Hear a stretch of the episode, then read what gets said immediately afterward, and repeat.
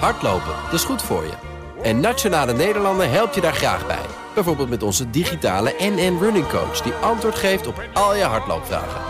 Dus, kom ook in beweging. Onze support heb je. Kijk op nn.nl slash hardlopen. BNR Bouwmeesters wordt mede mogelijk gemaakt door Bouwend Nederland. De bouw maakt het. BNR Nieuwsradio. Bouwmeesters.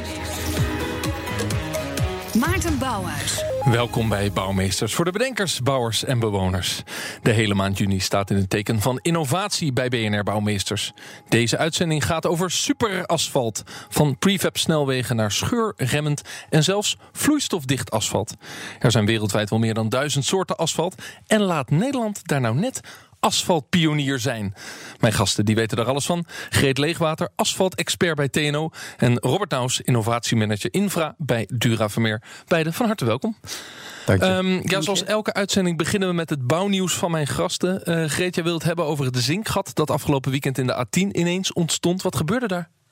Ik denk, nou ja, we weten niet precies wat daar gebeurd is, maar het laat zien hoe belangrijk uh, het wegennet voor ons is. Als er iets gebeurt, dan is het eigenlijk meteen nieuws. Dus we moeten het echt goed op peil houden om te zorgen dat, uh, dat iedereen van die wegen gebruik kan maken. En we weten het dus niet precies. Ik kan me voorstellen dat er heel veel regen viel afgelopen weekend en dat er dan toch de onderkant wordt weggeslagen. Nou ja, het is de, het vermoeden dat uh, doordat regen toeneemt, door klimaatverandering, komt er meer neerslag. Uh, die toename in neerslag zorgt ervoor dat misschien putten die normaal gesproken dat prima af konden voeren, dat die nu overbelast raken, dat er ergens anders water wegspoelt en daardoor uh, kan, kan dus zand meespoelen.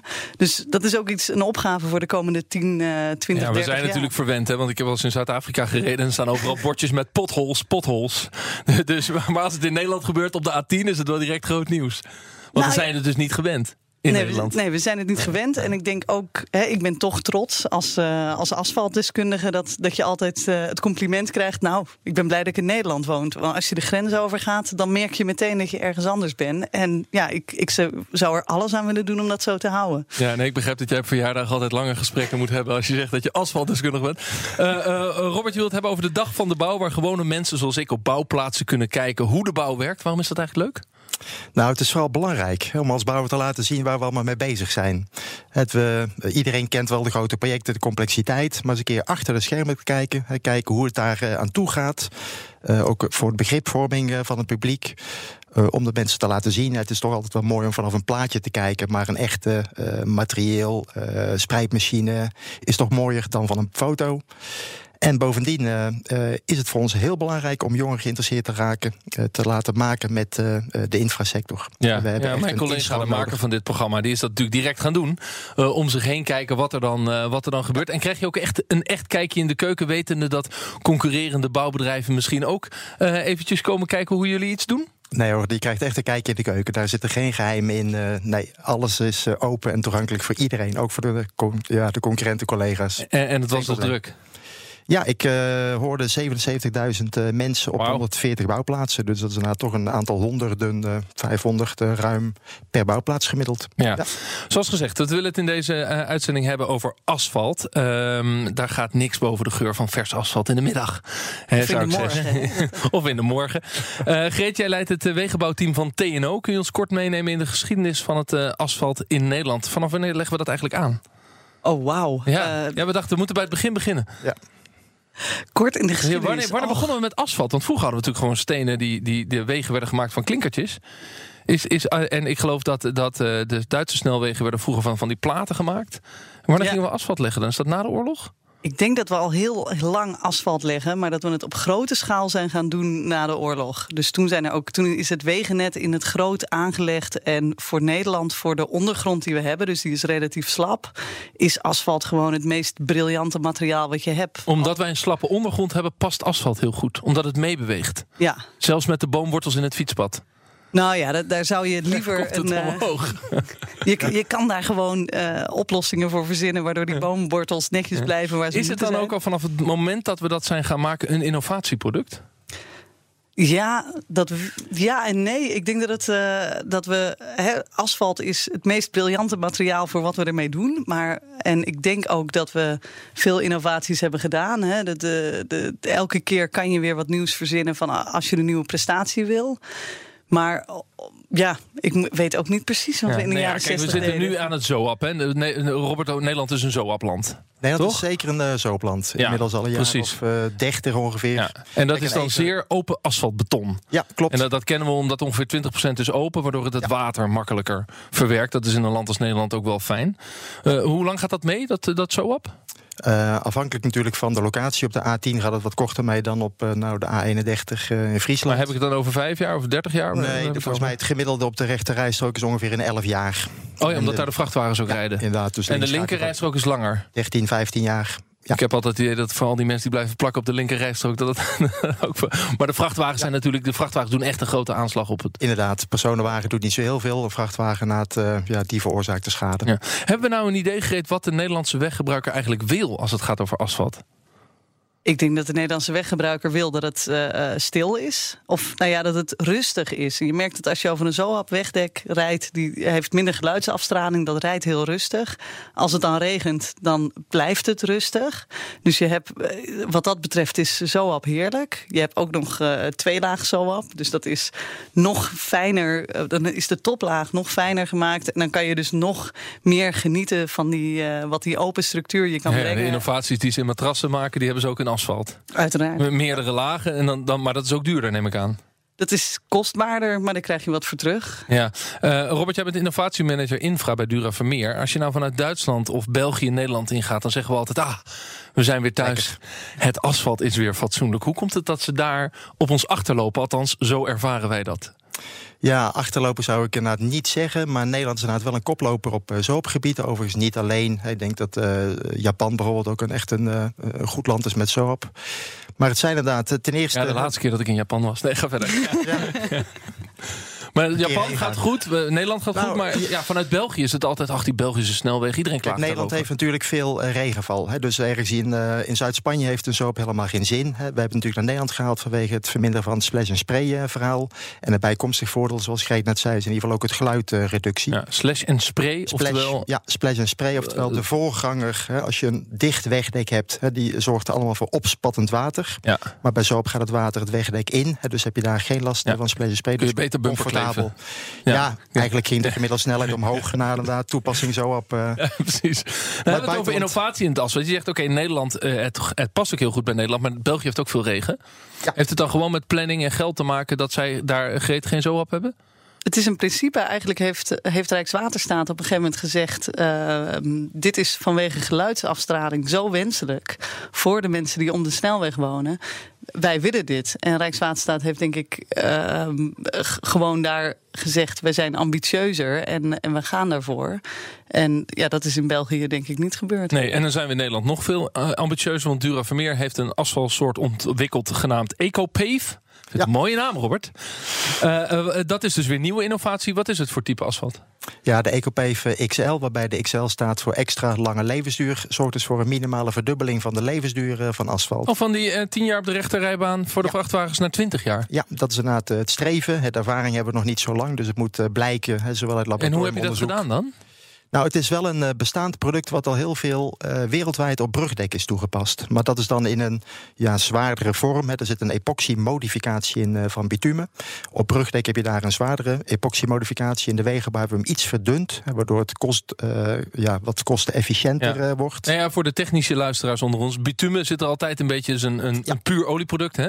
van, van ruwe olie. Zit er altijd een beetje in asfalt. Ja, maar klopt. nu heb je er een epoxy bij, dus een ander type bitumen wordt er gebruikt. Ja, we hebben dus het bitumen, we noemen dat dan even modificeren. Dus normaal doen we dat ook wel eens op snelwegen, waar Greet net de twee laag soap noemde. Er zit een polymeermodificatie in. Dit is inderdaad vergelijkbaar met dan een epoxymodificatie. Dus het blijft inderdaad voornamelijk bitumen, maar we hebben inderdaad iets dan verbeterde eigenschappen aangegeven, waardoor nou, de veroudering uh, wat minder is. En daardoor dus een langere levensduur ja, krijgen. Dus dan heb je een langere levensduur. Dat betekent dat het gewoon economisch een beter product is. Klopt. Maar het is ook duurder om te maken. Het is duurder bij aanleg, maar toch met een langere levensduur krijg je lagere lifecycle kosten. Dus toch in totaal inderdaad uh, interessanter. Ja, Rijkswaterstaat uh, ontwikkelt ook de ultrastille weg. Ja. die moet er in 2020 komen. Greet, hebben we dan dit asfalt nodig? Ik, Of gaat ik- dat puur over die twee laagse, dat, dat, waar het stil moet worden? Nou ja, dus we hebben, hebben al eh eh twee laag SOAP, wat al een slag stiller is. En nu willen we eigenlijk nog een slag stiller. Van we, hebben, we, we kunnen daar nog een slag maken. Waarom is dat eigenlijk zo belangrijk? Voor omwonenden. We hebben gezegd dat de geluidsdruk op de gevels niet mag toenemen. En we proberen dat, dat kan je dus door geluidsschermen doen. Maar je kan dat ook doen door wegdekken toe te passen die stil zijn. En, En, dan het hoeft geluid wordt gemaakt door de banden, niet zozeer door de motoren tegenwoordig. Ja, mijn auto is elektrisch, dus het is alleen maar de banden. Nou ja, het is sowieso inderdaad, eh, de banden eh, zijn het grootste component, zeker bij die hoge snelheden. En daardoor maak je dus, als je dus dat, dat bandwegdekcontact beïnvloedt door, een, eh, door je weg aan te passen, dan wordt dat stiller. Juist, en zo innoveren we door. Ture Vermeer won onlangs de prijsvraag Duurzaam Asfalt van Rijkswaterstaat met de Asfalt Recycling Train. Oftewel een asfalttrein. Robert, wat is dat dan? Nou, normaal gesproken wordt asfalt eh, op de weg verwijderd. Hè, dus dan frezen we het. We maken het eigenlijk kleiner, we maken het stuk. Dat zetten we in vrachtwagens en dat voeren we af naar een asfaltinstallatie. Daar wordt het wel weer hergebruikt in nieuw asfalt. En dan komt het daarna dus weer terug in dat nieuwe asfalt. Wat wij gaan doen is alles op de weg zelf. Dus met een trein aan voertuigen. Aan de voorkant ligt dan het oude, beschadigde, verouderde ZOAP. Wij gaan dat verwarmen, loswoelen. Dus we houden het helemaal intact, zodat we hetzelfde product weer kunnen maken. En dan eh, verwarmen we het. Aan de achterkant leggen het weer neer. Dus aan de voorkant hebben we een oude, beschadigde ZOAP. En aan de achterkant van onze trein. De- en dan drie uurtjes later wordt, het nieuw, wordt, het, Ja. wordt het oude wegdek op de weg gelegd in vorm van nieuw asfalt. Ja, nog veel sneller. We rijden met, Rijdt eh, dit al of is dit een experiment? Nee, het rijdt in het buitenland is het al wel eh, aangetoond en toegepast, maar in Nederland inderdaad eh, nog niet. Eerst gaan we naar een heel ander materiaal waarmee geïnnoveerd wordt. De baksteen. En dan bakstenen van gerecycled puin. Toiletpotten, reststromen uit de industrie. En ze gaan de hele wereld over. Stone Cycling heeft ze bedacht en maakt zijn bakstenen bij Zilverschoon Randwijk. In Heteren weten ze wel raad met een mooi bakstenen recept. Verslaggever Martijn de Rijk sprak met medeoprichter-directeur Wart Massa. En hij begon bij een van de ingrediënten. Het ruikt maar goed. Je ziet misschien ook wat vliegen rechts van jou. Jakkers. Dit is een, eh, een afvalstroom uit, de, uit de, de industrie. Eigenlijk het afval uit het recycleproces, eh, waar, waar deze club niks meer mee kan. De troep van de troep, zeg maar. De troep van de troep die normaal op de Rotterdamse Maasvlakte onder de grond eindigt. En, en, en hoe heet dit? dit, dit wat is dit? Ja, dat, eh, dat is een beetje het geheim. eh, het- het- een- mijn collega Tom die zegt altijd dat is het eh, Coca-Cola recept eh, van ons. Eén berg verderop, daar eh, is het een beetje een wit zandachtig spul. Eh, toiletpotten, eh, wasbakken, eh, vaak uit oude gebouwen waar, waar je nog van die staande wc-potten hebt. Die willen we allemaal niet meer. Om de bakstenen te maken is er ook nog 40% gewone klei nodig. Technisch is het niet nodig, maar om gebruik te maken van de bestaande productiebedrijven die er in Nederland zijn, hebben wij ervoor gekozen om dat wel te doen. Omdat dat gewoon de, de, de snelste route is om een product naar de markt te krijgen. En dan samen met de productiebedrijven te blijven innoveren. Wat je hier ziet voor je, dat zijn allemaal plankjes eh, met, met eh, stenen. En Die liggen ze op de droge, het lijken wel stukken zeep zo. Dit zijn de verse bakstenen. Dat zijn de verse bakstenen, ja, van vandaag. Zeker als je naar onze stenen kijkt, dan zie je vaak na twee dagen dat er ook een beetje haartjes op beginnen te groeien. Haartjes. Dus dan zie je dat het eh, lekker gaat eh, schimmelen. En waar komt die schimmel vandaan dan? Waar, waar groeit dat, het op? eh, dat zit inderdaad in die afvalstromen. Dus die, eh, oh, het geheime recept. op het, ja, in het geheime recept. En wij vinden dat eigenlijk iets heel positiefs. Want het is weer een bevestiging dat je met iets bezig bent wat anders weggegooid zou worden. Niks meer, want ik ga hem starten. Oké, ja. Oh, de pers die gaat starten. Wat je, eigenlijk ziet, wat je eigenlijk ziet, het materiaal gaat erin, het wordt gemengd en dan geperst in het gewenste formaat. Die stenen die komen uit het droogproces. Er worden allerlei figuren uitgesneden, zodat het precies in elk hoekje van het gebouw past. En in dit geval brengen we er nog een, eh, een, een laag bovenop, eh, die, die uiteindelijk die truffelkleur eh, geeft die wij krijgen. Even met een troffel bijwerken en daar staat wat op op die troffel. Er staat de Sexmaster staat erop. We maken die stenen echt sexy hier. Hè? Dat is een beetje een motto van ons bedrijf. De baksteen weer sexy maken. Wij vinden het juist tof om hier in Nederland nog gewoon te produceren. En, en, en hele bijzondere producten te maken. Wauw. Nou, hier eh, liggen ze dan klaar, hè? Want Ik kijk ernaar en het lijkt een beetje op een snoepfabriek. Eh, alle kleurtjes van de regenboog. Ze hebben ook eh, voedselnamen, geloof ik. Hè? Ja, klopt. Nou ja, die, die, eh, die gelige die hier zit, eh, dat noemen wij de noga. Eh, we hebben de salami, de mushroom, de salt and pepper, de black pepper. eh, alle verschillende kleuren en texturen. Eh, en, en, en daar zijn we dus continu mee bezig van hoe kun je dat eh, eh, verbeteren, vernieuwen, iets doen wat nog niet bestaat. En ze gaan de hele wereld over, eh, de bakstenen. Ik eh, zag daar een hele partij pallets staan. Ja, er staan inmiddels een paar honderd pallets van een eh, fantastische opdracht. Eh, die, eh, die stenen die gaan in het najaar naar Manhattan toe.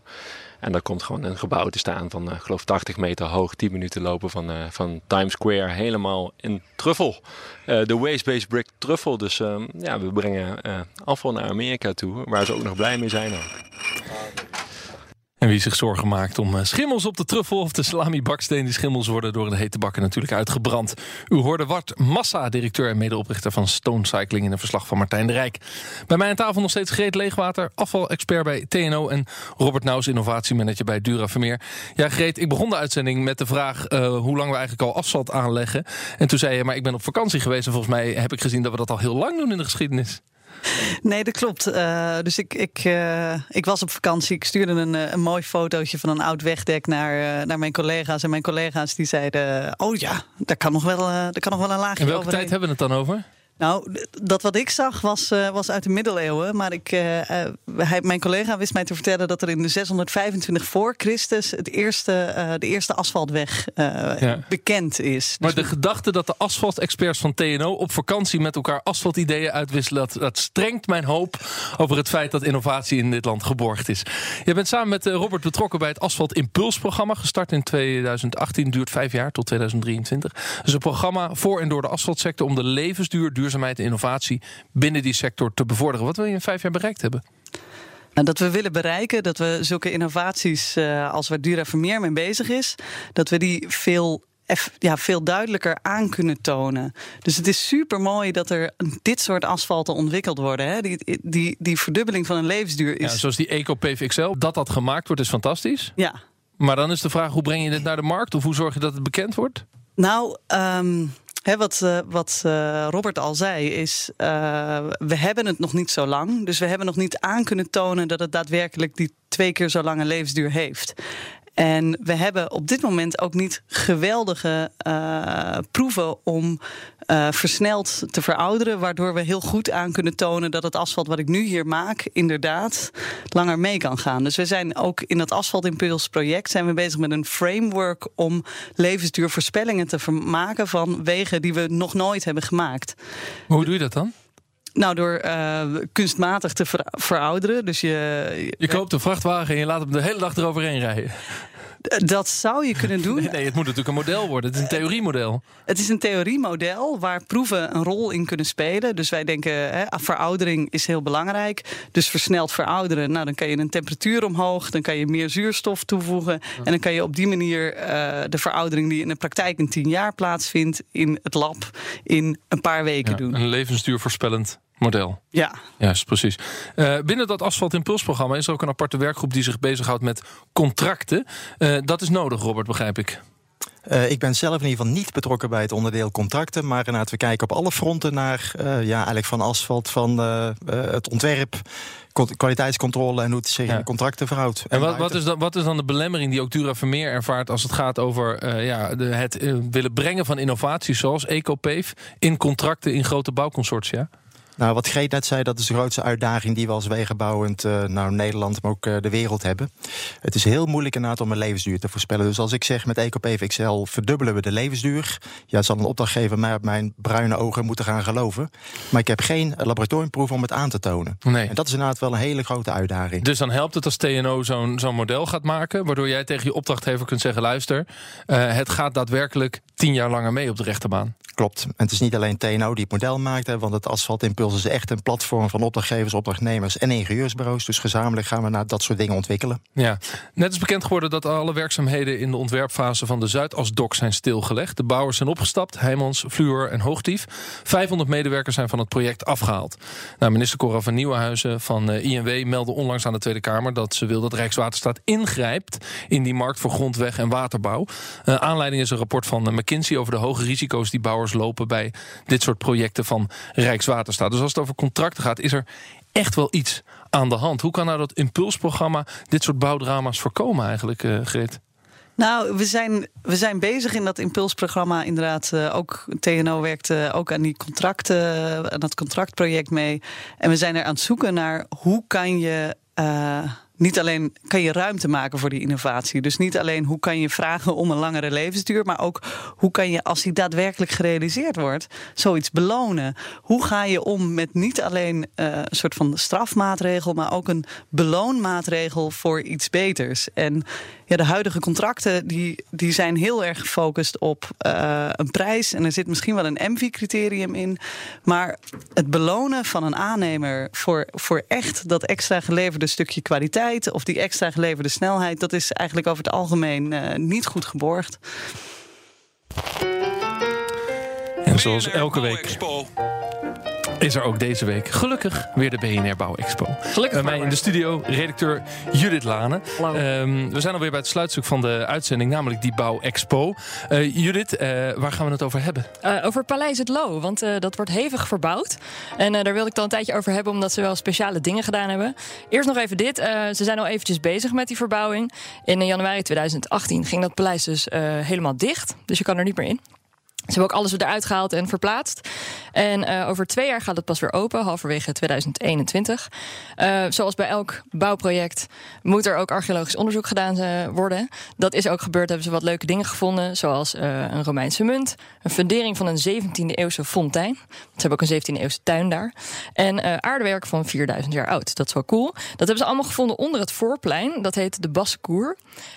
want daar komt dus een nieuw ondergronds gebouw. Waar ze ook hedendaagse kunst willen tentoonstellen Dus dat hebben ze helemaal uitgegraven. Um, en hebben ze een speciale ankerconstructie gebruikt om wanden te plaatsen. Om te voorkomen dat dus niks zou gaan schuiven tijdens het graafwerk. Ja, dat moet nogal een project zijn als je met Paleis het Loo aan de slag gaat. Ja. ja. En er komt dus een speciale tijdelijke fundering.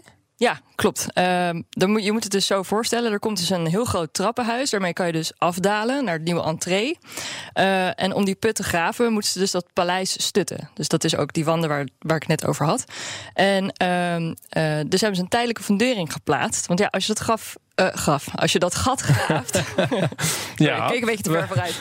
Als je dat gat dus graaft uh, en je stut de boel niet, dan zakt dat gebouw in. Dat is niet de bedoeling.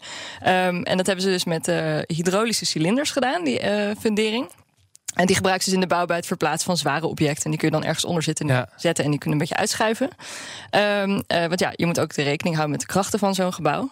Uh, en dat was dus die tijdelijke fundering. Dus ja. die staat er nu nog steeds, omdat ze nu het diepste punt hebben bereikt in die put. ik wil zo met je doorpraten over de bijzonderheden hiervan. Maar Robert, als je daar als innovatiemanager naar luistert en je krijgt de opdracht om Paleis het Loo compleet aan te pakken, dat, is toch een, dat moet toch een pareltje zijn voor heerlijk. een bouwer? Ja, heerlijk. Ja. Hartstikke mooie uitdaging. En, en dan een, een, een put vragen, graven en een fundering. En ze hebben zelfs duikers gebruikt, uh, Judith, bij de bouw. Ja, dat zag ik. En toen dacht ik, hé, hey, dat is cool. Dat had ik nog niet eerder gezien. Maar goed, dat zal vast vaker voorkomen.